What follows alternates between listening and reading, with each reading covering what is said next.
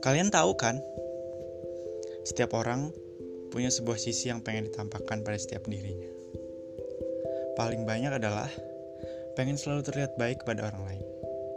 Padahal jatuhnya malah kepaksa dan dipaksakan. Dari semua itu, seharusnya kamu bisa loh menampakkan diri sesuai keinginan yang kamu mau.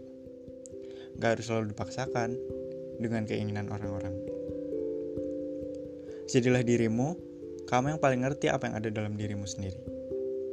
Aku akan terus belajar sisi lain dalam diriku, lalu bercerita dengan kalian di sini. Ya, di sini, di podcast Another Side.